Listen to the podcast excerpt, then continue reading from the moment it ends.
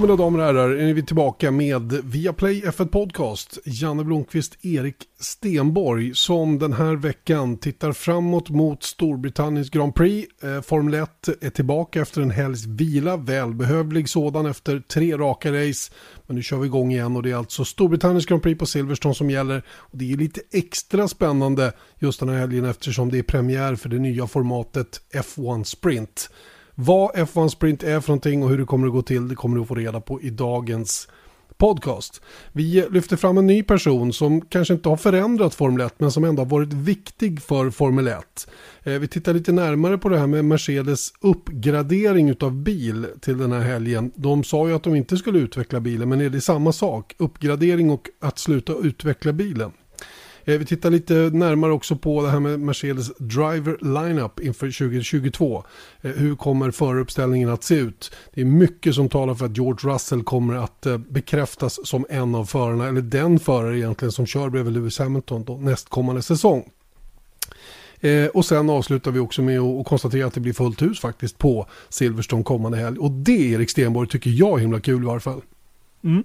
Det är det faktiskt, för att eh, vi såg ju det andra racet där i Österrike som du påpekade förra veckan tror jag var att just att det var ju det originaldatumet för Österrikes Grand Prix och då, då var det ju väldigt mycket biljetter sålda till det just, till just det racet helt enkelt. Men det var ändå inte fullsatt, men det ska det baske med vara i helgen. Ja, och det är inte så himla konstigt om det blir det på Silverstone heller. Det är vissa krav naturligtvis på eh, att få komma in. Eh, de är ju med i det här försöksprogrammet som pågår i, i eh, Storbritannien angående publikevenemang och man måste ha ett minst 72 timmar gammalt PCR-test eller vara fullt vaccinerad för att få komma in och ha rätt till att komma in på banan då med eventuell biljett. Så att jag, jag, jag tror att det, det, det, finns tillräckligt många eh, Formel 1-intresserade som, som eh, har, uppfyller de här kriterierna. De Formel 1-intresserade som i många avseenden tror jag finns på Goodwood just nu, tror du inte det? Jo, det var faktiskt en sån här dröm jag hade inför det här året. Även förra året faktiskt, och alla år innan dess också, att vi skulle åka på Goodwood och spela in roliga reportage. Det var svårare än vad jag hade tänkt den här säsongen också. Så låt oss prova igen till 2022. Jag, jag tar det som ett löfte Erik Stenborg. Mm. Eh, nej men jag har sett, man, man, har ju sett lite bilder ifrån det och det är ju häftigt med alla de här bilarna som, som eh, far upp för den här backen då i uppvisningssyfte de allra flesta. Men sen har de ju faktiskt en tävling också, en backtävling med mera ska väl tilläggas.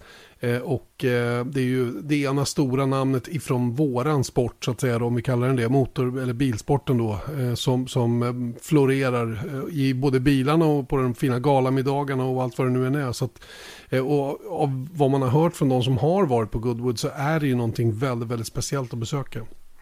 Jag tror verkligen det och jag tror att det är återigen en sån där grej som jag tror att många liksom försöker, de ser att det funkar där och att det är en jättestor grej men sen så det är svårt att bygga in ett legacy på något sätt, men de har hållit på med det här hur länge som helst och Goodwood är en gammal racerbana som man faktiskt tävlade med på riktigt tidigare. Så att det, det liksom finns historien och han som driver det där, det heter han Lord, han heter Lord någonting. Mm, typ, ja. typ Lord. Ja, men han är i varje fall en superduper entusiast. Så att hela hans ja. liksom, verksamhet bygger ju på de där dagarna Goodwood och sen så Festival of Speed och sen så Goodwood, Goodwood Revival. Eh, som är lite mer historisk betoning. Och jag menar det är ju typ så här Gärdesloppet i Stockholm. Det är ju ett försök att vara Goodwood men det är svårt att eh, kopiera någonting som är så starkt. Ja, det, det, det, vi kom närmast var väl kanske Örebro Race Day, jag vet inte. Men, men, eh, men bortsett från det så, så är det ju en cool idé. Och det är lite förvånande att inte fler provar. Det behöver ju inte alltid vara så att racerbilar ska fara fram i vansinnesfart. Ibland kan det bara vara kul att se dem eh, bilar som inte har tävlat på länge eller nya bilar också för den delen. Va? Olika typer av förare som man kanske inte har sett på länge och får möjlighet att, att mingla lite med eller hälsa på eller få en autograf av eller vad det nu kan vara. Va? Sen fattar jag att det här är ett väldigt kostsamt event att hålla igång och jag tror inte någon eh, får några pengar för att komma och de som, typ Penske såg jag, Roger Penske var ju där hade ju en skrälldus av bilar på plats. Och jag vet inte hur mycket han står för kalaset att ta dit de bilarna. Svårt att tro att den här lorden har pengar att, att betala för allting själv.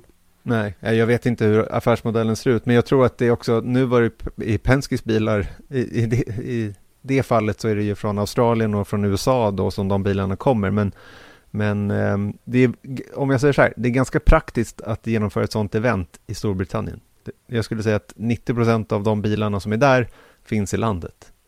Så är det. Så är det. Och det är lite passande på något sätt att Goodwood körs nu då så här veckan innan Storbritanniens Grand Prix, eller hur? För det är ju så oerhört mycket anor runt det här gepet just då som är en av fyra, fem som har funnits på kalendern ända sedan starten 1950. Och det är en speciell är runt Storbritanniens Grand Prix. Eh, har många år varit hatkärlek just runt eh, Silverstone-området och hela upplevelsen att se det här racet. Då. Men också den här otroligt kunniga publiken, månghövdade publiken har åtminstone blivit det de senaste åren. Det var en liten dipp faktiskt i Storbritannien också eh, och i England när, runt Formel 1-racing. Men nu har den verkligen återvänt och den sluter upp mangrant och det hänger ju självklart ihop med massa brittiska framgångar. Sånt piggar ju alltid upp, eller hur? Absolut, och jag menar det, i år då så körs ju den 72 upplagan av Storbritanniens, Storbritanniens Grand Prix. Och det är ju, jag tror att det är bara Italien som, kan, som har varit med alla race under alla säsonger i Formel 1. Fascinerande, fascinerande. Och eh, ja, det säger ju en del. Det är två, det är två tämligen starka länder med, av lite olika skäl då. Men, men ja, du, du förstår vad jag menar. Jo, men alltså, det, det är något speciellt också, för det, även om det är så här, okej, okay, det är Storbritannien och då är det de brittiska förarna som har hemmaplan, men jag menar, till och med Mercedes ser ju det här, jag eh, skulle säga att majoriteten av de som är medlemmar i Mercedes Formel 1-team har det här som hemmarace, för att Mercedes är baserad i Brackley, eh, motorenheten är i Brixworth, och jag menar, det, det är ju hemmaplan, till och med fast till och med Eh, att Mercedes är liksom ett tyskt märke så är ändå det här ett hemmarace för de allra, allra flesta. Mm. Och sen har vi alla de andra teamen då baserade i England och som ligger kanske med en radie på 10 mil runt omkring Silverstone med Enstone där där eh, Alpin befinner sig. Vi har Woking då där vi har, ehm, eh, där vi har McLaren. Vi har ehm, eh, som du nämnde då eh, Brackley där Mercedes finns. Milton Keynes där Red Bull finns och, och, eh, och, så vidare. Vi har Aston Martin som verkligen är på hemmaplan. De är ju bara tvärs över gatan från huvudentrén. Eh, men det där känner ni till alla ni som är lite mer hardcore fans. Ni som inte är det och upptäckte den här podden eh, sent i livet, då, kan säga så då. Eh, ni kommer snart att inse att det är på det här viset. Men alla race i Formel 1-VM, har de körts på Silverstone? Nej, det har körts eh, Storbritanniens Grand Prix på tre olika banor. Aintree i, eh, utanför Liverpool och Brands Hatch som ligger i Kent och sen så Silverstone. Och eh, det är såklart att absolut flest av de här racen har gått på Silverstone. Och jag tänker liksom att Silverstone är ett gammalt flygfält från andra världskriget. Det vet de flesta om också. Det är väldigt platt och liksom den originalsträckningen av Silverstone var ju liksom servicevägarna längs med de här eh, landningsbanorna och sen så har man liksom intrigerat mm, rakorna eller liksom flygrakorna i bansträckningen allt eftersom då. Men då kollade jag faktiskt på hur många olika sträckningar för jag tänkte att det här måste vara väldigt få olika sträckningar som har funnits på Silverstone. Men det är den vi använder idag som började användas 2011, det är alltså den 14 i ordningen. Så det har varit en del förändringar genom åren, sedan 1950, 13 maj tror jag jo, att första racet gick. Jag, jag kommer ihåg, Keke Rosberg hade ju länge rekordet för snabbaste snitthastighet över ett varv i Formel 1 och det var ju då på en bansträckning på Silverstone där det var mer eller mindre som en oval. Mm. Det var ju några vinklar här och där bara. Det var inte, fullt, det var inte en oval men det var inga svängar åt, åt, åt vänster så att allting gick åt höger hela tiden. Och väldigt, väldigt snabbt då. Låg på drygt 260 km i timmen och det här är ju från 80-talet så det var en det, det, gick fort på den tiden. Eh, och den, eh, den, den variant på banan vi använder nu då, den här nya, lite modernare varianten som har blivit väldigt lång dessutom. Banan var ju lång som den var innan också, men, men den här nya upprustningen som gjordes till 2011, den tycker jag mest om av alla de varianter som, som vi har sett. Ja, jag håller med. Jag, jag var faktiskt där på första liksom GP 2011 då, det var första gången de körde den och då gick jag runt banan. Det var första gången jag var på Silverstone. Um, och det var lite så här, för Cops Corner skulle ju alltid vara det första. För det var coolt, det var, gick så jäkla snabbt där. Men sett till racermässigt skulle jag säga att den här nya, ja, tio år gamla sträckningen är den bästa också. Mm, den är väldigt cool, den här, eh, jag har ju provat på att snurra också i den här nya delen faktiskt. Just det. I, i riktiga kurva, kurva 1 i en eh, uh, Caterham Super 7. Eh, hur som helst så, så eh, jag håller med dig, den här första delen är otroligt spännande och, och um, svår teknisk. Det är brett, det är många olika spår, det finns, du kan göra blockpass och du kan, det, det finns lite olika varianter men framförallt är det viktigt att komma ut på Wellington Straight eh, med bra fart för där är det nämligen DRS. Eh, och vi minns ju det här året när det var DRS också över start och mål då, genom första kurvan. Det slutade inte så bra för vissa, eh, nämner inga namn. Men, men det, var, det var en rätt stökig upplaga i vilket fall som helst. Eh, hur ser det ut då med, eh, med till exempel hemmaförare då den här helgen? Jo, men vi sa ju det att det, liksom, det här är ju ändå, vi konstaterade det också för några poddar sedan, att liksom Frankrike är egentligen racingens hemland. Det var liksom där man körde biltävlingar från allra första början i början av 90, ja, slutet av 1800-talet tror jag till och med att det var. Men det är ändå England som är motorsportens, moderna motorsportens hemland i minsta fall då. Och det kan man ju konstatera då genom att det är tre britter på griden på söndag. Och det har alltså varit minst en brittisk förare i alla upplagor, alla de här 71 upplagorna som redan körts, så har det minst funnits en britt i startfältet alla de åren. Mm. Det enda andra racet är ju lite intressant för det är ju ett, ett land som man inte tänker på egentligen. Men när man tänker efter så är det kanske inte helt orimligt. Nej, det är liksom lite, lite på andra skalan på något sätt. Jag var det första gången man körde Rysslands Grand Prix 2014. Ja, stämmer. Mm. Och eh, det har varit en rysk förare i samtliga ryska Grand Prix. Men mm. som sagt, det, det, är lite i, ja, i andra änden, skulle man kunna säga. Minst sagt. Nåja, det är om detta. Eh, vem har varit mest framgångsrik då på Silverstone och Storbritanniens Grand Prix? gissa en enda gång. Det är ju såklart Lewis Hamilton som har tagit eh, sju segrar och sju pole positions eh, här på hemmaplan. Det är alltså flest i historien just i Storbritannien. Och tar han den åttonde segern nu på söndag så är det tangerat bästa i ett Grand Prix tillsammans då med Michael Schumacher som vann åtta gånger i Frankrike och Hamilton själv som har vunnit åtta gånger i Ungern. Hyfsat. Ja, vi får se om han lyckas med det då. Sir Lewis Hamilton då, så vi kanske ska kalla honom då nu här på hemmaplan. Han är ju faktiskt adlad numera, den gode Hamilton. Eh, och ehm, eh, det finns en britt som har varit väldigt framgångsrik eh, den här säsongen som vi har lyft fram många gånger, Lennon Norris givetvis. Han är nu den enda föraren den här säsongen som tagit poäng i samtliga race. Han har 14 poänggivande race i rad. Han har en fenomenal, ett fenomenalt facit faktiskt, denna Lando Norris. Som det känns som att vi kommer att prata en hel del om faktiskt på väg fram nu genom karriären.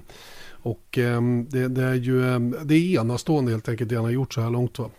Eh, men du Erik, vi, är ju lite, vi som vanligt inför ett race så ska vi hålla ögonen på några saker och eh, den första saken är ju rätt uppenbar, eller hur? För den är på allas läppar inför den här helgen. Ja, det är någonting som kallas det F1 Sprint och vi kan väl börja där med namnet för det har varit eh, lite av ett huvudbry för oss i Sverige för att det har hetat Sprint Qualifying, en Sprint Race Qualifying, Sprint Qualifying Race och allt vad det heter och då började vi ganska tidigt för vi gjorde något reportage runt det här. När det blev liksom annonserat att det här skulle ske. Vad ska vi kalla det? Sprintrace? Nej, men det är inget race, för det är ett kval. Men ska det vara ett sprintkval? Men då är det ju ett kval. Så att det var lite rörigt. Och jag var ju med på en workshop där med Formel 1, där de liksom gick igenom eh, allt det viktiga inför den här helgen, när de skulle testa det här för första gången. Och eh, det som de kanske la mest tid på var just namnet och motivera varför det nu mer heter bara The Sprint eller The F1 Sprint. För det är ja, inget... Ge oss, ge oss the reason. Ja, men för det är inget, eh, det är inget riktigt kval. Det är inte kvalet som vi, har, som vi är vana vid och det är inget race. Vi vill inte ta ifrån liksom The Thunder från kvalet som fortfarande ska köras då på fredagen. Vi kommer till det senare och, eller, och inte heller racet som ska gå på söndagen. Så därför måste det här heta någonting helt nytt och då tog man bort alla liksom kryddor kring det här så blev det The F1 Sprint. Mm. Klatschigt. Okej. Okay. Eh, det, det blir ju en F1-helg precis som vi är vana vid, även om det kommer att se lite annorlunda ut. Ska du, ska du dra lite snabbt vad som gäller då, de olika segmenten och hur det hela kommer att se ut? Ja, och det är egentligen ganska lätt, för att en F1-helg som vi är vana vid fram tills nu då, då är det ju träning fredag, träning och kval på lördagen och sen race på söndag. Det är, det är så det har sett ut i hur länge som helst egentligen. Eh, en sprinthelg är helt enkelt, det man måste liksom tänka på här är att det är ett sätt för Formel 1 att bygga in ett tävlingsmoment och spänning varje dag under en racehelg. För att det har ju varit så att liksom fredagen, det är många som har kollat på träningen, men det är ingenting som liksom är avgörande på något sätt egentligen. Och då är det därför man velat ha åtminstone en sak som händer varje kördag, så att säga, som, är liksom, som betyder någonting. Ehm, så den här helgen på Silverstone så kommer det se ut så här. Ehm, det är en träning, en timmes träning på fredag, följt av ett vanligt kval i tre omgångar, precis som vanligt. Och det här går då på fredag kväll då. Skillnaden då är att kvalet inte avgör startuppställningen till Grand Prix, utan det avgör startuppställningen till The F1 Sprint, eller kort och gott sprinten på svenska. Och sprinten så kommer då köras på lördagen. Ehm, och den föregås av en timmes träning.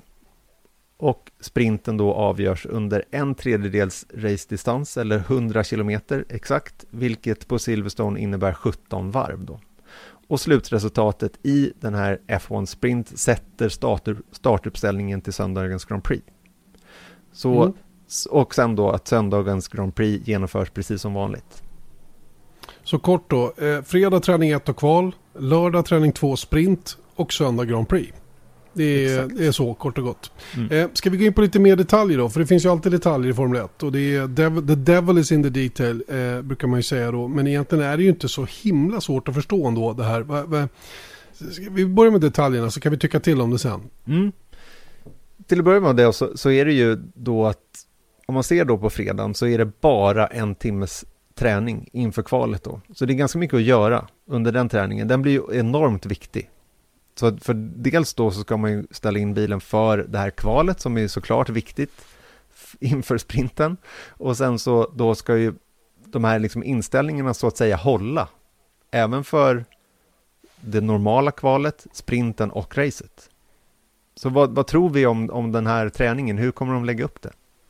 Mycket, mycket bra fråga. Men, men eh, det blir ju en... Eh, det, jag skulle säga att den här första timmen av träning kommer att likna mer det vi ser under, eh, under FP3 idag. Jag skulle säga att den kommer att vara väldigt lik det. Det, det kommer ju lägga ännu större vikt vid förgjorda simuleringar och att de förgjorda simuleringarna stämmer. Eh, så den här träningen tror jag kommer att handla väldigt mycket om att, att köra ut. Man får ju använda två set däck till att börja med. Vi ska komma till däcksallokeringen om en stund. Men två set däck under den här första träningen. Det vill säga ett troligt bra race-däck, eh, säg medium. Eh, och sen direkt på, på mjuka. Och sen kör man soft eh, och, så, och så kvalsimulerar man och gör hela den grejen så att man är förberedd inför det riktiga kvalet som, som det viktiga kvalet som kommer då fredag kväll då som, som, som eh, anger startordningen i, i, sprint, i sprinten. Förlåt. Ska lägga till då också att en sån här träning, nu så ser det väldigt fint ut väderleksmässigt den här helgen på Silverstone, men det är ju en sån här grej som, eh, skulle det här regna under den här enda timmen av förberedelser inför ett kval, inför ett sprint och inför ett race, då kan det ju få ganska stora konsekvenser. Men som tur är kanske den här första helgen när man ändå ska liksom testa det här för första gången så, är, så ser det fint ut i helgen. Så det, det är väl mm. en positiv grej. Men låt oss gå in på då däcksallokeringen. Eh, till att börja med så får man ju då 12 set istället för normalt sett får man ju 13 set torrdäck men bara 12 nu. Och det jag vill lägga till här då, som kanske är det, det viktigaste, eller det man har blivit van vid under ett vanligt kval, är att vilka däck kör man i Q2? Men i kvalet under en sprinthelg så är det bara mjuka däck som får användas under den här fredagskvalet då. Just det. Vad tror vi om det? Och, och, ja, alltså jag tror väl eh, det är bra. Det blir ju samma förutsättningar för alla. Så det, det är väl det, det, det är nog ett gott beslut så att säga då. Eh, och det får ju till följd då att man, man släpper ju däckvalen till själva sprinten då fritt. Eh, där får man välja utav de tre gummiblandningar som finns får man välja vilket man vill. Men det mest sannolika är ju att man kör även där på den mjuka gummiblandningen då eftersom det blir det här motsvarar en första stint skulle man kunna säga. Eh, sen kommer mm. det nog variera lite grann bana för bana och beroende på hur många sådana sprintar det blir framöver. Det här är ju på försök än så länge men låt säga på Silverstone tror jag inte det är helt självklart att det bästa är att köra soft i racet. Jag tror att ett mediumdäck eh, kan vara en, med, en gyllene medelväg så att säga då, för att vara safe och gå hårt. Sen ska vi komma ihåg att bilarna kommer inte vara fulltankade. De är till tre, en tredjedel så mycket bränsle. Eh, och det gör ju att du får en ganska kvick, rapp bil och mjuka däck på. Jag tror att det, det kommer att vara någon rolig bil att köra. Race med, att starta ett race med. Eh, på det här viset som, som det kommer att göra. Va? Men eh, ja, och man får ju gå i depå. Men det är, det är inga obligatoriska depåstopp. Du behöver inte köra två gummiblandningar. Utan går du i depå då är det för att du har problem med bilen helt enkelt. Så det, det är dåligt kort och gott. Mm, tänk dig själv att om man har 17 varv på sig och så går man inte på. Det finns inte en sportmössa att du ska hinna ifatt de där äh, 25 sekunderna du tappar. Så att ingen kommer gå på om de inte måste. Ehm, det som dock blir lite av en avart i den här äh, i sättet då att det är fritt däcksval i både sprinten och även då i söndagens Grand Prix, det är att alla kommer sannolikt vara på samma strategi. Tidigare så har det varit det där att man, de tio då som går vidare till Q3, de däcken som de har satt sina snabbaste varv på i Q2 måste de starta racet på, vilket har ibland skakat om lite grann, att vissa kanske är på medium, vissa kanske är på mjukt. Men nu kommer ju sannolikt, i varje fall valet finns ju där att gå på den absolut bästa strategin. Så sannolikt så kommer det vara väldigt mycket lika strategier där i toppen. Eller vad tror mm, du? Det, det stämmer alldeles väl och eh, den där med, med eh, Q2-däcken för de som gick till Q3 att starta på dem var ju ett sätt att ska vi säga ge de utanför topp 10 en liten liten fördel då att tajta till den aning då. Nu försvinner ju den möjligheten, en möjlighet som för övrigt ska försvinna till nästa säsong. Eh, det, den där, just den där regeln den bestämdes för, för två, tre år sedan. Eller 2019 tror jag man tog beslut om att när det nya reglementet kom då skulle den där regeln försvinna. Så att de får väl chans att, att, att känna på det och prova på det. Jag vet inte om de kommer att ändra tillbaka någon gång inför det här. Eh, du var inne på det att det är fritt val av däck eh, i söndagens race också. Eh, då har man två sätt kvar att köra. Eh, och det, det, är inte, eller ja, du har ju kvar andra setdäck också naturligtvis, om de inte är förbrukade, vilket de sannolikt inte är allihopa då ifrån kvalet. De har inte gått så fantastiskt många varv. Eh, men, men det känns som att tillgången på däck kommer inte vara ett problem de här helgerna i vilket fall som helst. Och det, det är ju bevisligen så eftersom Formel 1 själva har tänkt på det och tagit bort det här extra sättet då som man fick få köra under första träningen. Det är ju egentligen det som har försvunnit. Så man har lika många som tidigare eh, att använda. Mm. Och vi ska klargöra det att det som är fritt däcksval sett till söndagens race, det är ju de, man, man får starta på vilka däck man vill helt enkelt. Sen måste du fortsatt köra på två olika gummiblandningar och därav gå i depå. Så att det är ingen förändring, så det är det jag menar med att söndagens race kommer vara helt som man är van vid, förutom då att man får välja vilka däck man får starta på. Det är enda skillnaden. Mm. Eh, park Park Fermé är ju för många numera ganska känt begrepp. Park Fermé då som är eh, betyder parkera och don't touch. Eh, typ. Och det här det är ju någonting som idag inträder när man rullar ut i kvalet. Så fort att man rullar ut ur man rullar ut över den vita linjen ut ur depån när Q1 startar. Då går bilen i park för med. Då, det innebär att då får du inte längre göra några förändringar på bilens setup. Du får göra några små justeringar på framvingen. That's it. Eh, och det här med park för med det kommer ju finnas kvar och eh, det är precis samma sak. Så fort att du rullar ut på fredagens kval inför the sprint, då går bilen i park för med. Och då kan man ju undra vad det här innebär för träningen på lördagen då, den här FP2 som föregår the sprint. Jo, man tränar under park för med.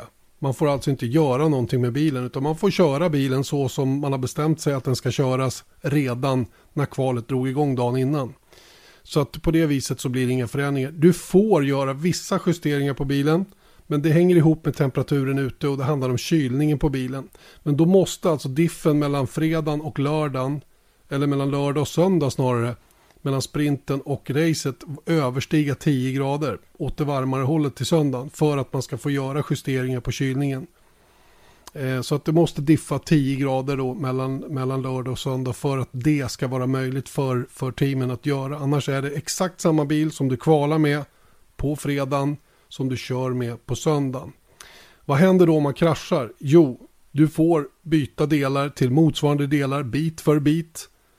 Och du får också gå till andra delar som du inte hade på bilen innan så länge de är äldre.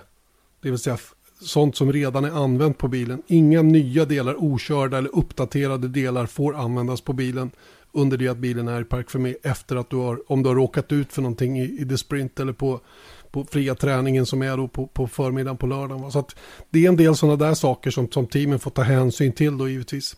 Och, och är det så att du kraschar så är det den som kraschar först som hamnar sist naturligtvis i huvudracet och så vidare. Så att eh, det är ju precis som om du kraschar i kvalet. Det är ingen större skillnad utan man rangordnas i den ordningen man gör saker helt enkelt. Förhoppningsvis så ska ju alla kunna ta sig i mål då. Men det kan ju hända att någonting går sönder eller vad som helst. Och då, den som bryter först den blir naturligtvis sist då i huvudracet. Mm.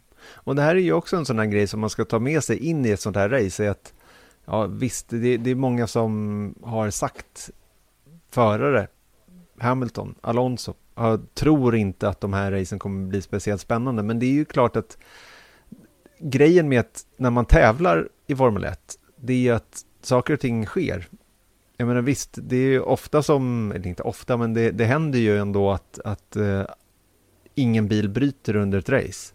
Men här är det plötsligt, då, du, du är ju i händerna på andra också. Så även om du inte kraschar av för att du har kört för fort så kan du bli påkörd eller dras in i någonting. De ska ju starta, de, de kan fortfarande bli omstarter efter virtual safety eller rödflaggor och allting sånt där.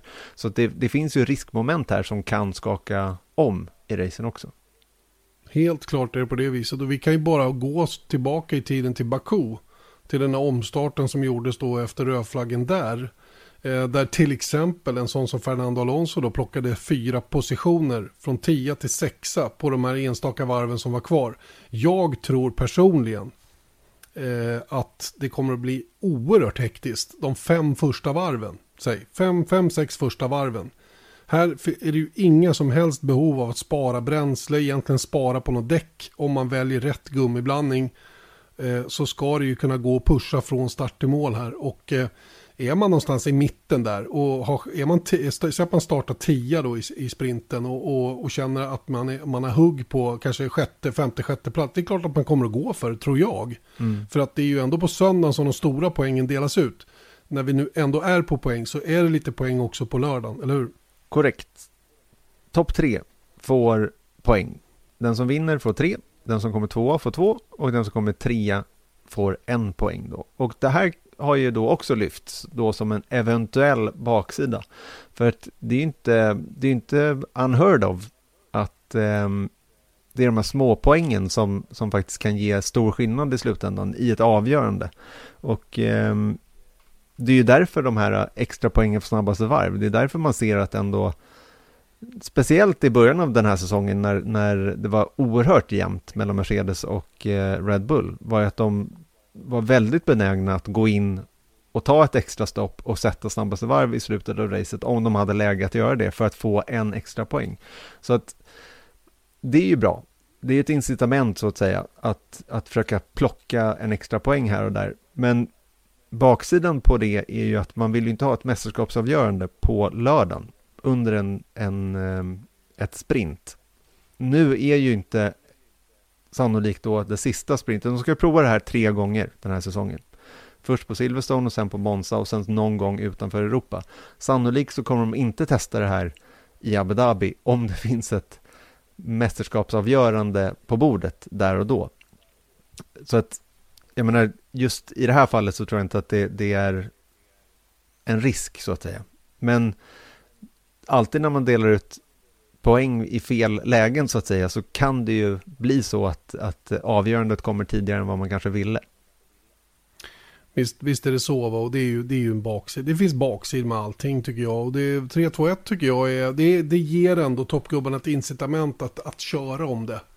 inte bara pole position. Det, det, det, kan vara ett läge, vi kan ju också vända på det Erik och konstatera att här har vi någonting som, som ger en förare chansen att gå i kapp inför ett avgörande race på söndagen. Visst. Och han ligger två poäng bakom, ligger tre i, i det här sprinten. Och du vet, det, det kan ju vara sådana grejer. Nu, nu är det återigen så att vi kommer förmodligen inte ha de här sprintracen eh, i, i ett läge av säsongen där de påverkar på det viset. Va? Men, men som sagt, alla poäng räknas. Och jag tycker ändå det, jag tror att det här var en eftergift för de stora teamen. Att det skulle finnas poäng att köra om, ärligt talat. För annars så tror jag inte de hade tyckt att det var så himla värt att hålla på med det här. Men, men det blev liksom Fia var tvungna att ge någonting tillbaka. Jag hade ju mycket hellre sett en omvänd startordning i ett sånt där sprint, i en sprint. Eh, det hade ju gett mycket, mycket mer för oss som tittar. Sen kan man tycka att det är konstgjort och vad man vill, va? men hur det än är, sjukt spännande hade det varit. Mm. Och, och, det är klart, jag, jag, jag, jag lever ju i lyxen att inte bry mig om vem som gör vad. Jag har ju inga, inga sympatier åt något håll på det viset, va? men det är klart det är inte så roligt om man om man, den som leder VM då startar sist hela tiden i de här sprint, eh, sprint, um, sprintkörningarna då och, och eh, kanske två av tre gånger råkar illa ut för att han är mitt i högen av långsammare bilar framför och bla bla bla.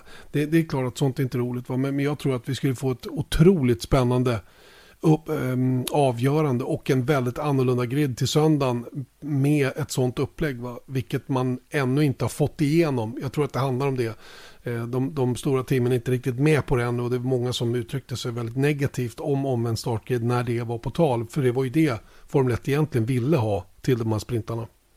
Exakt, och då ska vi komma in på det, apropå att det här är ett test. Återigen då, tre gånger ska man testa det här under 2021. Det kan bli fler gånger om det visar sig vara en succé. Det kan vara så att det är sista gången vi får se, på, se det här efter det tredje försöket den här säsongen, om det inte funkar. Men apropå det här, det, det, som Fernando Alonso och Hamilton med många andra då har sagt att så här, men det här sprint, eh, F1-sprinten kommer bli en, en eh, enda lång gäspning för att det, det, är inte så viktigt. Det är inte där och då de stora pengen delas ut, därför kommer det bara bli en, en lång eh, kö av körning. Och så kan det ju vara. Fine, det beror på banan och, och, och tid och rum och, och vindar och, och, regn och allt vad det kan tänkas vara. Men jag tror att det finns ganska mycket kritik och jag har sett folk som skriver på liksom sociala medier om att det här kommer bli en tråkig grej, det var en dålig idé. Men då ska man ju ändå komma ihåg här att det Formel 1 har gjort är att de har lagt till någonting. De har inte tagit bort någonting. Jag hade också haft lite problem med det här om man hade tagit bort kvalet helt och hållet. Att inte kört den på fredagen utan man hade bara gått direkt in i en sprint istället. Då hade det varit lite tråkigt för då, då blir det igen den här grejen att man fixar någonting som kanske inte behöver fixas. De provade ju ett annat kvalformat för några år sedan vilket blev en, en katastrof och det tog man bort efter ett enda försök. Det här är ju ändå att jag menar, fredagen det är många som tycker och fredagsträningen är kul att titta på, men det är ju ändå ingenting som är helt avgörande. Nu kommer ändå det här som vi var inne på i början, att kvalet är en avgörande moment och nu kommer det på fredagen. Och sen så har vi söndagens race, precis som vanligt. Men vi lägger till ett till race som är kort och förhoppningsvis spännande på lördagen. Så att jag ser inte någon poäng att, vara, att ge det här förslaget då eller testet ett, eh, någon kritik i det här läget? Det, det är jag så svårt att förstå hur man, varför man måste ge det kritik innan vi ens har sett det i, i praktiken. Vi kan ju börja där. Sen är ju naturligtvis många tyckares jobb Eh, att, att just tycka om saker och ting då innan det faktiskt har inträffat då för att det, är liksom, det ingår i konceptet eh, att förmedla saker till, till publiken. Men jag tror att vi som är du konsument där hemma så tycker jag Eriks resonemang är oerhört eh, logiskt. För att man har verkligen bara lagt till ett moment ytterligare som kommer att spicea upp den här helgen mer än vad den annars hade varit. Jag ser ju mycket hellre eh, ett sprint en sprint än ett FP3. Eller säg så här, ta bort FP2 på fredagarna eller FP1 på fredagarna och kör en sprint istället. Alltså hur vi än ser på det. Vi kommer ju få ett FP2 i alla fall som, som är innan sprinten. Men, men bort med en träning och in med någonting som faktiskt betyder någonting. Mycket, mycket bättre. Mycket bättre. Och vi har ju en annan faktor här. Vi, har ju, vi gör det ju mycket, mycket svårare för teamen att vara superväl förberedda. Och det älskar jag. Det har jag ju varit inne på många gånger. De är alldeles för väl förberedda annars. Nu får de 60 minuter. 60 minuter att diala in bilen för race och kval. That's it. Mm. Sen går bilen i park för mer. Sen är du klar. Det här kommer att betyda stora utmaningar för ingenjörsteamet, för strategerna, för allihop. De vet ingenting om hur däckens livslängd ser ut förrän på lördagen. Eh, en stund med den timme som körs innan sprinten. Så att eh, jag menar, här är det ju här är det väldigt, väldigt... Eh, de får ju en massa data givetvis ifrån sprinten som de kan använda till själva racet. Så jag tror inte de går torrt ändå. Men det kommer att se lite annorlunda ut. Och det kan ju vara så att man går bort sig med inställningarna på fredagen. Som sen släpar med då resten av helgen. Så att, mm. jag, jag, jag, jag tycker det är kul. Vad sjutton, det är väl, ja det är roligt kort och gott. Mm. Vi ger det en chans helt enkelt och ser hur det går på lördag. Mycket bra idé. Och kanske till och med två chanser. Beroende på hur det går den här helgen. Jag, är, jag, är, jag, är, jag är sån. Två chanser kan de få. Det, det, går det dåligt två gånger i rad och det är samma typ av problem eller samma sak som man upplever. Då, då är jag nog beredd att säga att okej, okay, tack för att ni provar men nu räcker det. Eh, Alright, ska vi, ska vi nöja oss med sprinten tycker du? Tills vidare. Har ni förstått allihop? Jag hoppas det. Att ni hänger med på allt som fungerar. Det kommer att komma tusen frågor. Men vi sitter ju där på första träningen på fredag också och, och finns tillgängliga för att svara på frågor om det skulle dyka upp någonting. Absolut, och så kör vi såklart en halvtimme studio inför den här första sprinten. Så att, eh, där kommer vi gå igenom det här ännu tydligare, med bilder till och med. Men du, nu ska vi ehm, fundera på någonting annat, för att vi har ju de senaste veckorna presenterat en del personer då som har förändrat Formel 1 den här personen som vi ska prata om idag kanske inte har gjort ett så stort avtryck på Formel 1 så att man kan kalla det att han har förändrat sporten. Men däremot har han ett starkt värv i den här sporten som vi alla älskar och eh, han gick dessvärre bort den 7 juli. Argentinaren Carlos Reutemann vann 12 tävlingar i Formel 1 och var ytterst nära att ta hem VM-titeln 1981. Samtidigt menar många som kände honom under hans Formel 1-karriär att han borde ha blivit mer framgångsrik än så. Han ansågs nämligen vara en av de absolut snabbaste förarna på griden under hans aktiva år. Men bara ibland. Han hade nämligen en nästan mystisk förmåga att vara dominant ena dagen, men helt osynlig den nästa. Det behövde helt enkelt vara Reutemans dag för att han skulle kunna vara så snabb han kunde vara. Och han hade för få sådana dagar. Han debuterade i Formel 1 med Brabham på hans hemmaplan i Argentina 1972. Och det började bra då han satte bilen på pole position. Han är faktiskt än idag en av bara tre förare i historien som har lyckats med bedriften att ta pole position i sin F1-debut. Det skulle dock dröja två år till innan han tog sin första seger, i Sydafrika. Men från den stunden var han verkligen en förare att räkna med. Han slutade trea i VM 1975 och var tillräckligt högt ansedd för att vara den Enzo Ferrari ringde för att ersätta Niki Lauda efter hans vådliga krasch på Nürburgring 1976. Reutemann vann fem race under hans dryga två säsonger med Ferrari innan han flyttade först till Lotus 1979 och sen till Williams 1980. Han blev trea i VM det där första året med Williams men 1981 då var han i VM-ledning inför säsongens sista tävling i Las Vegas. Och det är kanske det här racet som bäst sammanfattar den där mystiska förmågan jag nämnde tidigare. Reutemann dominerade helgen fram till och med kvalet där han tog pole position med nästan en halv sekund till godo. Men i söndagens Grand Prix var han plötsligt en bifigur. Hans teamkompis Alan Jones vann racet medan argentinaren föll ner till åttonde och gav Nelson Piquet VM-titeln med en enda poäng. Efter tävlingen kunde han inte ge någon tydlig förklaring till hans svaga insats. Det var väl helt enkelt inte hans dag, får man anta. Några månader senare, två tävlingar in i F1-säsongen 1982, lämnade han plötsligt sporten. Även denna gång utan någon tydlig förklaring. Nej, Reutemann nådde kanske inte samma höjder som hans landsman Juan Manuel Fangio gjorde i hans Formel 1-karriär. Men att han gjorde avtryck på sporten under de 146 race han startade mellan 1972 och 1982, ja det kan man ändå konstatera. Carlos Reutemann lämnade oss den 7 juli efter en tids sjukdom. Vila i frid, Lole.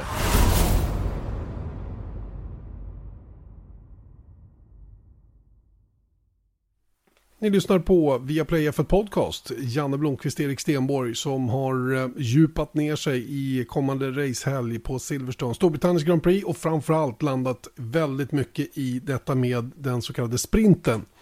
The Sprint, The F1 Sprint som den då kommer att kallas. Det här extra racet som man lägger till då under tre helger eh, för att se om eh, ett nytt format är möjligt att komma fram till inför framtiden i Formel 1.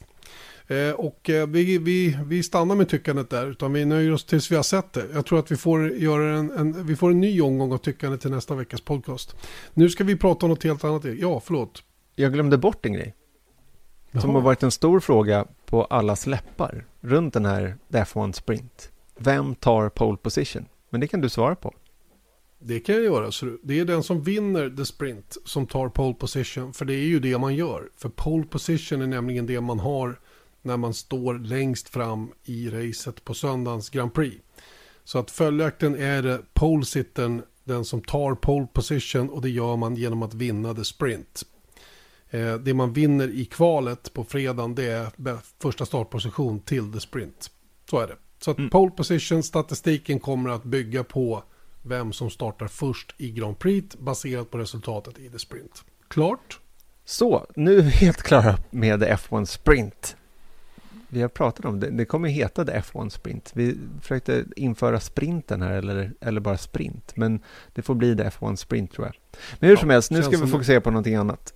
För att det, ska, ja. det är någonting som kommer hända med Mercedes bilar. Mercedes uppdateringar, eller hur? Ja, eller hur var det nu? De skulle ju inte uppdatera. Eller vad, vad var det Toto Wolff sa för några veckor sedan som James Allison sen då reviderade lite grann. Och eh, det är väl så här att det Toto Wolff sa var att det, nu slutar vi utveckla W14 heter den va? Mm. Eh, och eh, vi, tittar, ja, vi tittar helt enkelt på 2022. Det finns inte utrymme i, i budget eller i, i rent resursmässigt att fortsätta utveckla W14. Så att, eh, och då trodde ju alla då att jaha, då är de körda nu då, för nu händer inget mer. Men så är det ju inte riktigt. Vi har, vi har nämnt här tidigare att uppgradera bilen är ju inte riktigt samma sak som att eh, utveckla bilen. Eh, och vi har ju pratat om det förr, ställtiden i Formel 1 ligger någonstans på 5-6 veckor. Och delar då som har utvecklats tidigare innan man la ner utvecklingen av den här bilen har ju varit i produktion och är nu klara att komma till bilen eh, från och med den här helgen i Silverstone.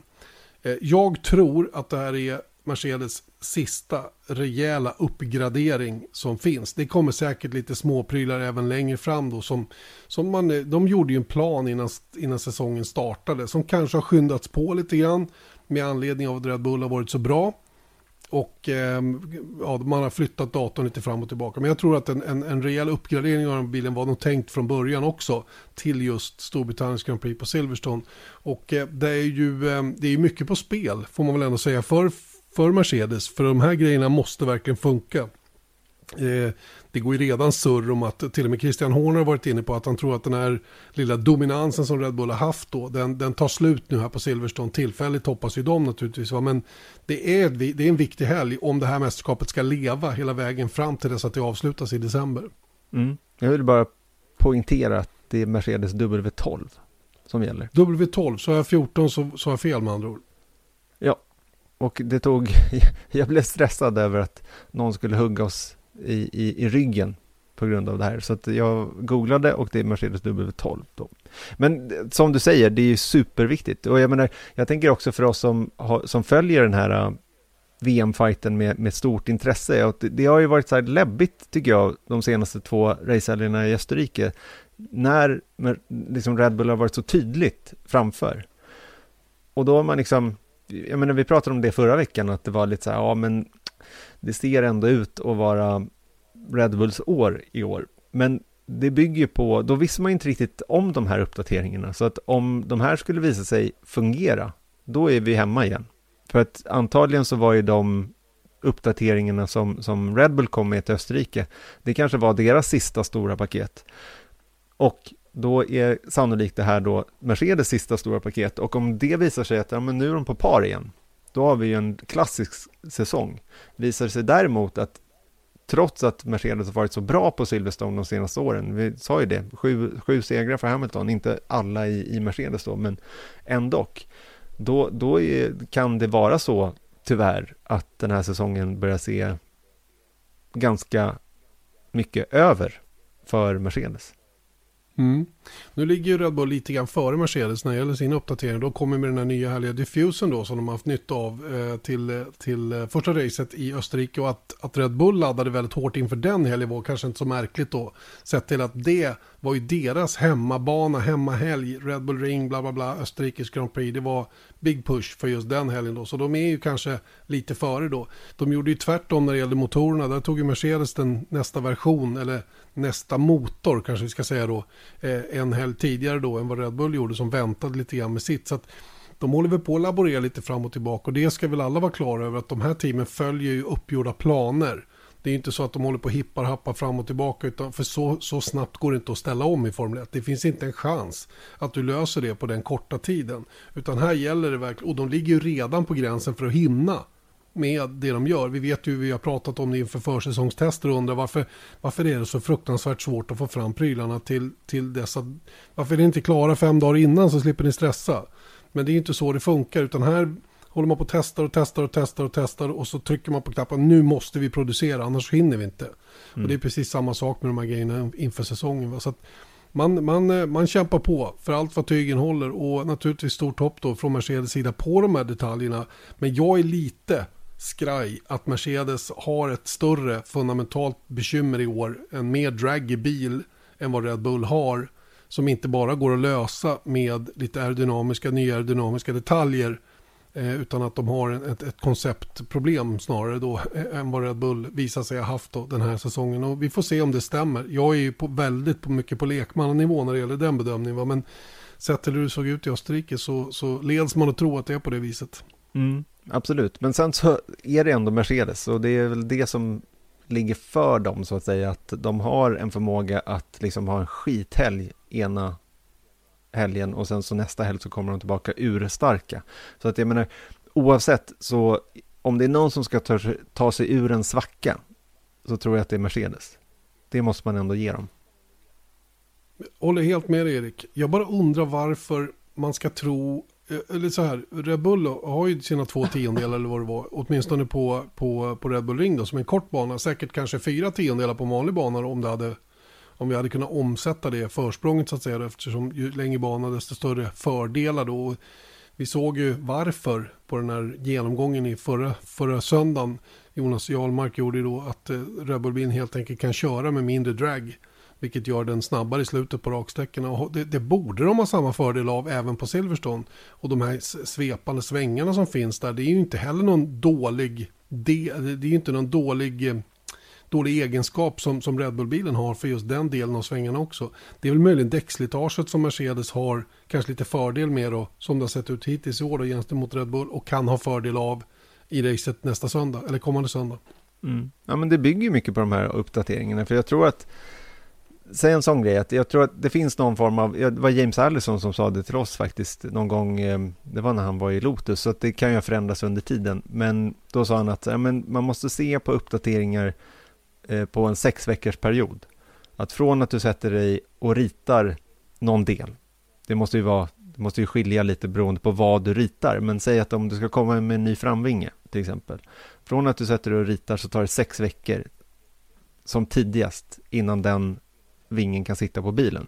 För det är just den här grejen, dels är det processen att rita den, sen så testa den, sen så bygga den och sen så eh, återigen se till att den fungerar faktiskt när du sätter den på bilen och sen så att du tävlar med den. Under den tiden så har det tagit sex veckor, ungefär.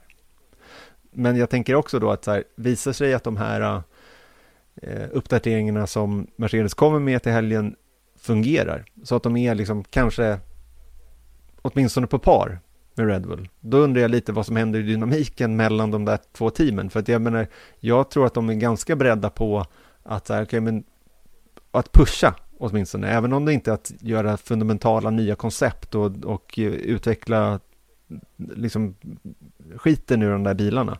Så är det ändå så att, okej, okay, men om det inte visar sig att de funkar, då kanske de bara, ja men nu gör vi det bästa av situationen och försöker vinna när det går.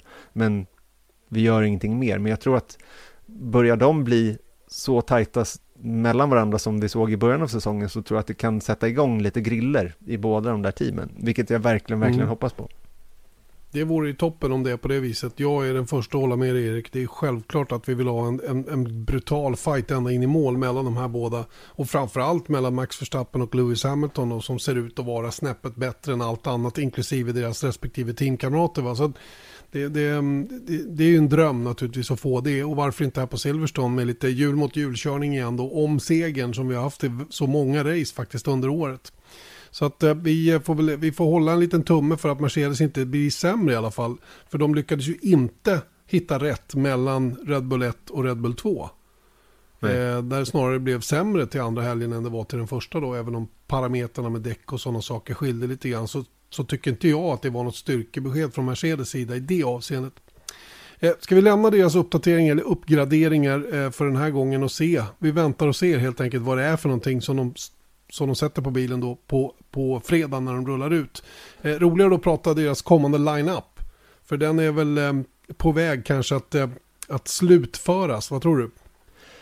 Det har ju varit väldigt, väldigt, väldigt många och starka rykten om att det är just den här helgen på Silverstone som eh, George Russell ska presenteras för Mercedes till 2022 eh, på bekostnad av Valtteri Bottas styrning i Mercedes. Och eh, Ja, alltså det finns ju ingenting som har kommunicerats officiellt från teamen, men de här ryktena har inte försvunnit under tidens gång så att säga.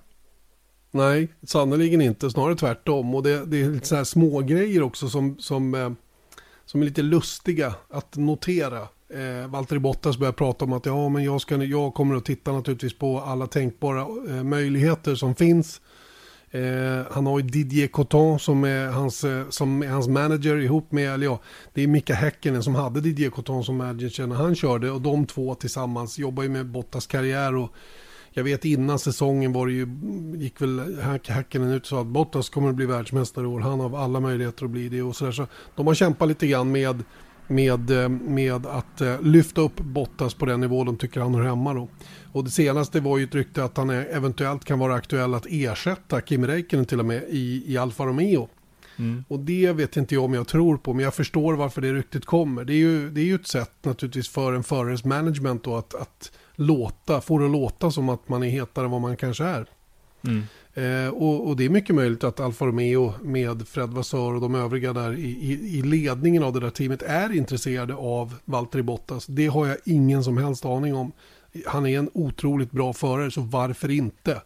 Men det, det känns återigen mycket, mycket mer troligt att om Valtteri Bottas nu, vilket jag tror, eh, har fått beskedet att han inte kommer att köra vidare där, så är ju det mest troliga att Mercedes fortsätter att vara hans arbetsgivare, men att han kör för Williams istället. Det, det, skulle jag tro i alla fall. Och så gör man helt enkelt ett byte mellan Russell och, och Valtteri Bottas. Bottas får två år kanske då tillsammans med Williams får chansen att vara teamleader. Bra för Williams. Eh, Bottas får köra vidare, vilket han uppenbarligen vill. Och eh, han, han, får möjlighet att vara med och bygga upp ett team kanske då från, från någonting som har varit ganska långsamt till något som förhoppningsvis då ihop med de nya ägarna från Dorlington Capital då kan bli bra igen. Eller hur? Mm, mm, absolut.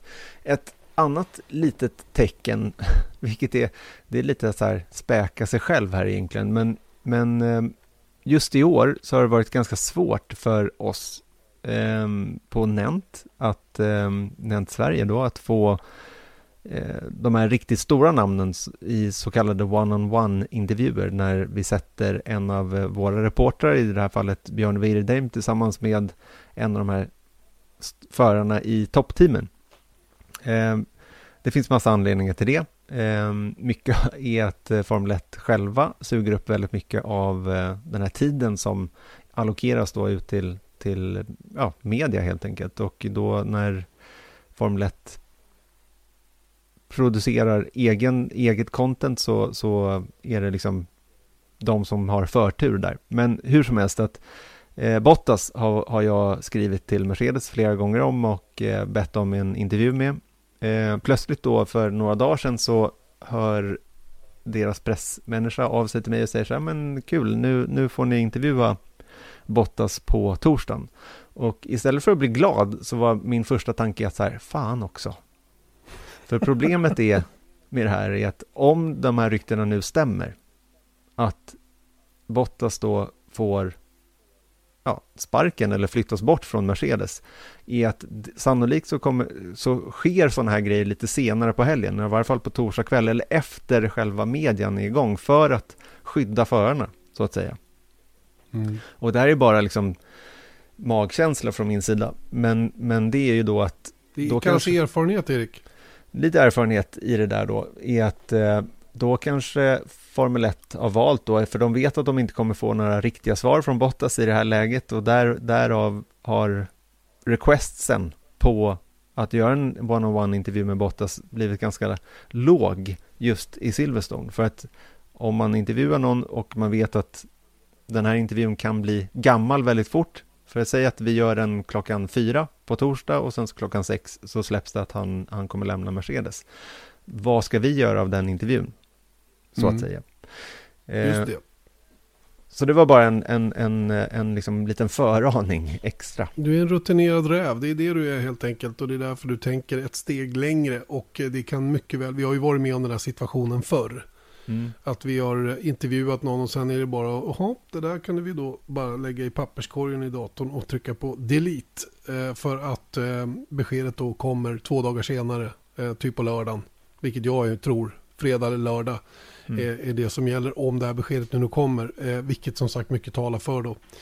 Och det, det, det, har börjat låta så också från, från figurer eh, utanför Mercedes eller ja, från media från mediehåll eller vad ska jag kalla det, från pandithåll, alltså människor med god insyn i den här sporten börjar också prata i termer av att, att Bottas får lämna. Va? Och ihop med då att Bottas själv börjar prata om att han tittar på andra alternativ. Russell, han säger ju bara bra saker om Lewis Hamilton var och varannan mening. Det är också misstänksamt. Varför skulle han göra det helt plötsligt?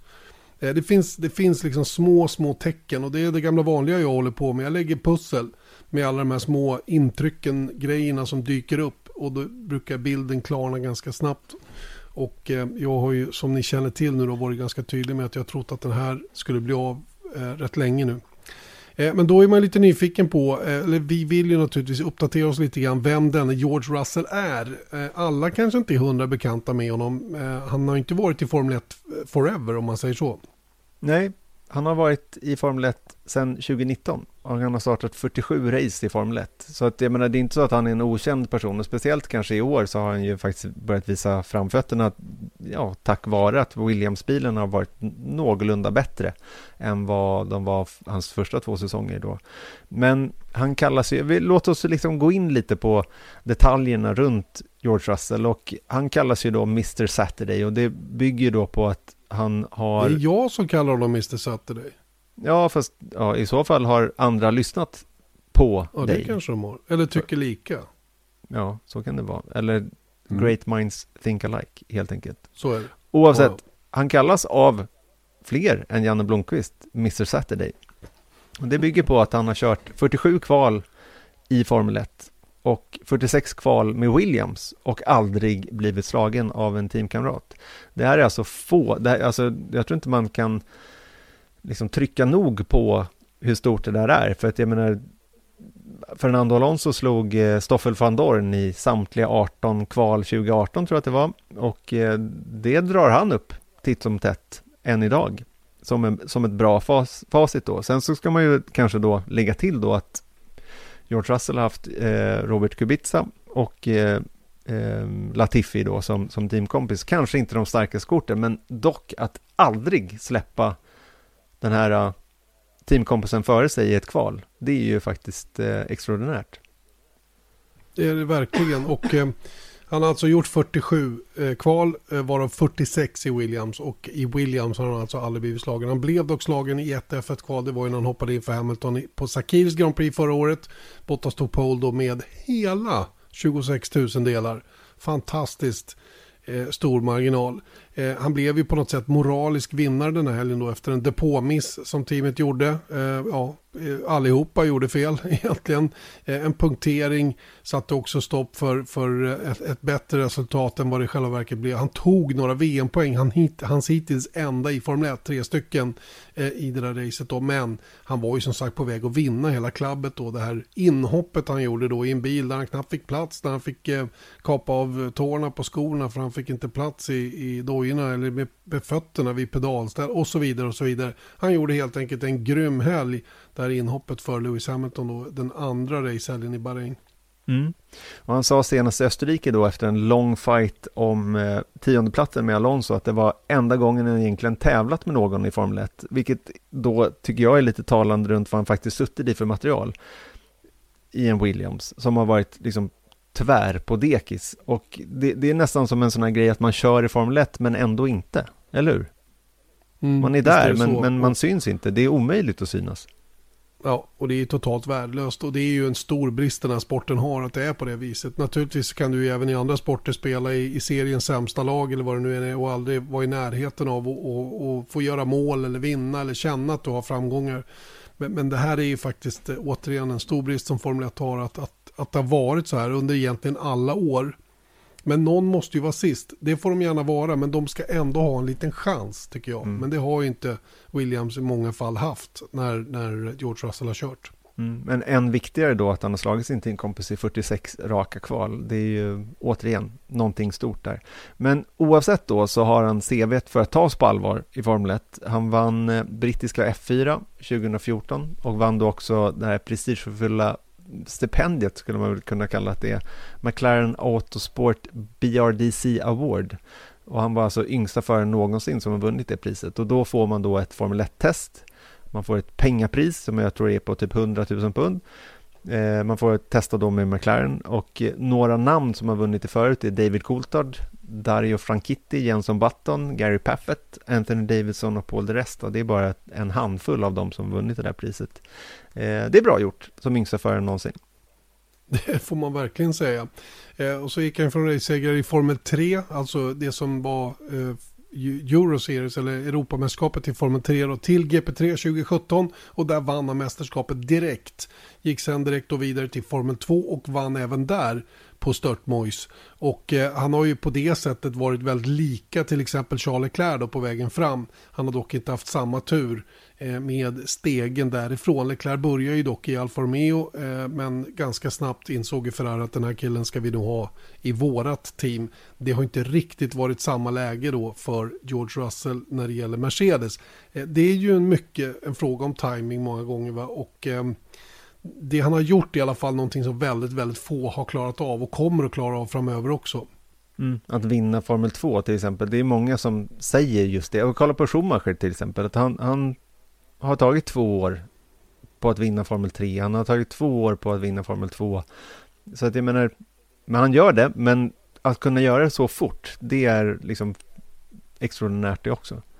Eh, po poängen är också att han i Formel 2 mästerskapet som man körde då 2018 slog både Alexander Albon och Landon Norris då, varav såklart då den sistnämnda hyllas ständigt och jämt just nu.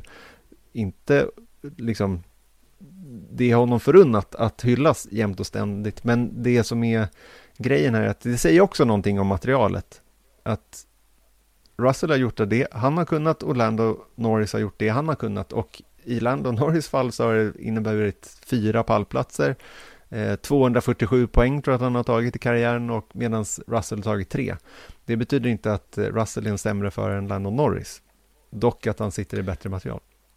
Så är det. Och eh, när vi pratar eh, George Russell då så är hans guldkort dock något som gör att han kanske varit väldigt ivrig men inte besviken är ju faktiskt att han signades av Mercedes 2017. Så det Russell har gjort i Williams är ju faktiskt att bida sin tid och eh, han har ju varit han har ju varit eh, tacksam naturligtvis för den här möjligheten. Jag har dock hört lite grann på avvägar att han var lite stökig i det där inhoppet. Han har varit lite så här eh, han har varit lite väl sugen emellanåt och den här smällen då mellan Bottas och, och eh, George Russell då som inträffade på Imola var nog också sånt där som gungade båten lite grann. Om vi tänker oss att Mercedes i det läget eh, under Imola-helgen var i full färd med att slutföra planerna för 2022 så var nog inte det helt hundra det som hände just den helgen. Va? Där ville nog Russell verkligen markera mot teamet. Hörni, jag spöar eran kille i den här bilen. Och eh, ja, det blev som det blev kort och gott. Va? Och, och, och det var ju motsvarande från Bottas sida. Han hade ju inga som helst planer på att ta stryk av George Russell i Williams. För det hade ju varit liksom katastrof i det läget. Va? Så jag tror att det kan ha varit ett avgörande läge för den här kontraktsdiskussionen, eller vad ska jag kalla det då, det som hände just den gången.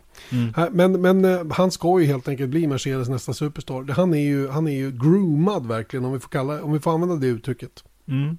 Ja, men som är liksom få förunnat i Formel 1 nu för tiden också, är att, att få, jag menar, trots att då Russell varit ivrig att ta steget upp till Mercedes då, så tror jag ändå att här, om man det hjälper nog honom om man blickar tillbaka på sin Formel 1-karriär om 10-15 år, när han nu är klar med den, så tror jag nog att han kan tänka sig att det var ganska smart det där, att sitta i ett dåligt team de första tre säsongerna och liksom få lära sig hur allting fungerar. Och när man väl tar stegen upp så är man redo. Kolla på Alexander Albon, kolla på Pierre Gasly, hyfsat nya i Formel 1-sporten och sen så då få chansen lite för tidigt.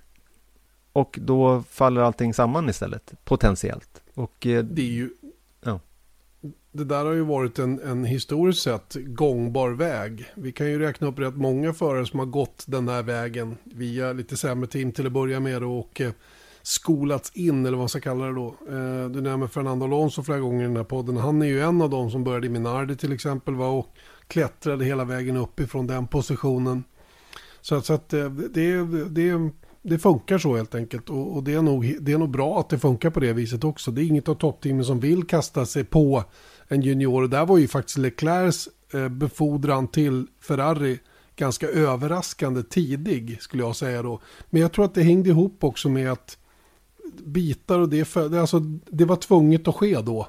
Om de skulle få behålla honom. Alltså förstår du vad jag menar? Det, mm det är luck, alltså det ja, men och, pusslet, också tror jag att det, det byggde, du pratade om timing, att det var också timing mm. för Räikkönen att lämna Ferrari, då han inte gjorde så speciellt många glada precis där och då, så att jag tror att det, det är mycket, det är, an, det är båda ändarna som det ska stämma såklart. Den nästa som, som tittar efter en sån här lucka nu, är jag helt säker på, det är ju tror jag, Mick Schumacher, där hans management som är då Nicolas Tott eh, bland andra, eh, tittar då väldigt, väldigt noga på, på liksom utvecklingen. Var, när och hur, var ska han ta vägen nästa säsong till exempel? Är han en kille för Alfa Romeo? För att köra vidare i Haas känns ju inte gångbart riktigt. Känns det som i alla fall. Det är inte det starkaste teamet. Tyvärr alltså får man väl säga. Och det här amerikanska teamet degraderat väldigt, väldigt snabbt. Och jag tycker det är sjukt tråkigt att det har blivit så. För de var så otroligt på när de väl kom in. Men det känns inte som någon framtidsposition om man säger så. man, för det är farligt att köra för dåliga bilar för länge dessutom. Man behöver liksom ta små kliv även med det man kör för att utvecklas som förare. Så det blir spännande att följa det också. Men vi, eh, vi får väl se då vad som händer nu i helgen med George Russell. Om det nu är så att han blir bekräftad som Mercedes-förare då från och med säsongen 2022. Sen gissar jag att det kommer att dröja lite grann innan vi vet vad som händer med Valtteri Bottas. Det de inte, har de nog inte lika bråttom med att, att annonsera på en gång. Nej, kanske inte. Ja, i övrigt eh, inför sändningarna i helgen, det kändes ju lite tomt faktiskt att inte ha Formel 1 eh, förra helgen, eller Indycar. Så att eh, det ska bli kul att det kommer igång igen. Vi kommer såklart eh, ha fullt fokus på sprinten på, på lördagen. Eh, vi sätter igång en halvtimme innan, ehm, eh, innan starten går för det och sen så kommer vi då ha fullt fokus på Mercedes även fortsatt i eh, söndagens studio. Vi kommer ja, vi kommer träffa Valtteri Bottas. Eh, vi kommer även träffa Lewis Hamilton och eh, vi kommer få lära oss ännu mer om George Russell och sen ska vi såklart titta lite mer på sån här telemetri som eh, vi kommer... Jaha, spännande. Ja, i alla fall. Ja, vi får se om det blir inför sprinten eller inför racet, men mer telemetri blir det. Just det, det är efterfrågat. Jag var ju i en bandepå i helgen som var och det var rätt många som påtalade att de uppskattade just det inslaget där vi faktiskt förklarar lite tydligare varför det skiljer mellan olika bilar och på vilket sätt och, och, hur det kan då se ut när man tittar på det rent datamässigt. Mycket, mycket spännande och eh, kommer gärna och ser mer av den saken. Eh, vi kan väl också då avslutningsvis notera då att vi eh, för första gången den här säsongen alltså kör, eller ja egentligen sedan 2019 då kommer att köra med fullsatta läktare. Det kommer att vara knöka fullt på Silverstone, vilket någonstans landar då runt eh, 130 000 åskådare då på söndagen. Eh, säkerligen uppemot 300 000 då totalt över hela helgen. Eh, och det är ju då som vi nämnde tidigare då, det krävs ju fortfarande en del av publiken för att få komma in men man ingår i något försöksprogram i, i, eh, i England då som, som gör att man kan ha det på det här viset då. Men, men för våran del så fortsätter ju bubblorna eller vad ska kallar de mm, De eh, pågår sannolikt då för resten av säsongen att eh, hur man får beblanda sig och sådant. Vi får till exempel inte, är man inne i den röda zonen, vilket är Formel 1-paddocken, så får man inte gå till support-paddocken till exempel. Um, det kan man tycka vad man vill om. Jag kan tycka att det finns mer och mer incitament på att kanske lätta på de restriktionerna också. Men jag förstår samtidigt vad Formel 1 håller på med. Att de vill absolut inte, ja exakt, de vill absolut inte riskera någonting och eh, det gör de väl rätt i, i slutändan. Mm. Mm. Right, där har ni det i eh, en eh, dryg timmes format via Play F1 Podcast inför Storbritanniens Grand Prix. Eh, tack för visat intresse hörni och eh, vi säger påtrörande till helgen i alla fall från min sida och eh, F1-podden med både mig och Erik är tillbaka nästa tisdag igen. Ha det himla bra tills dess. Vi hörs. Hej då!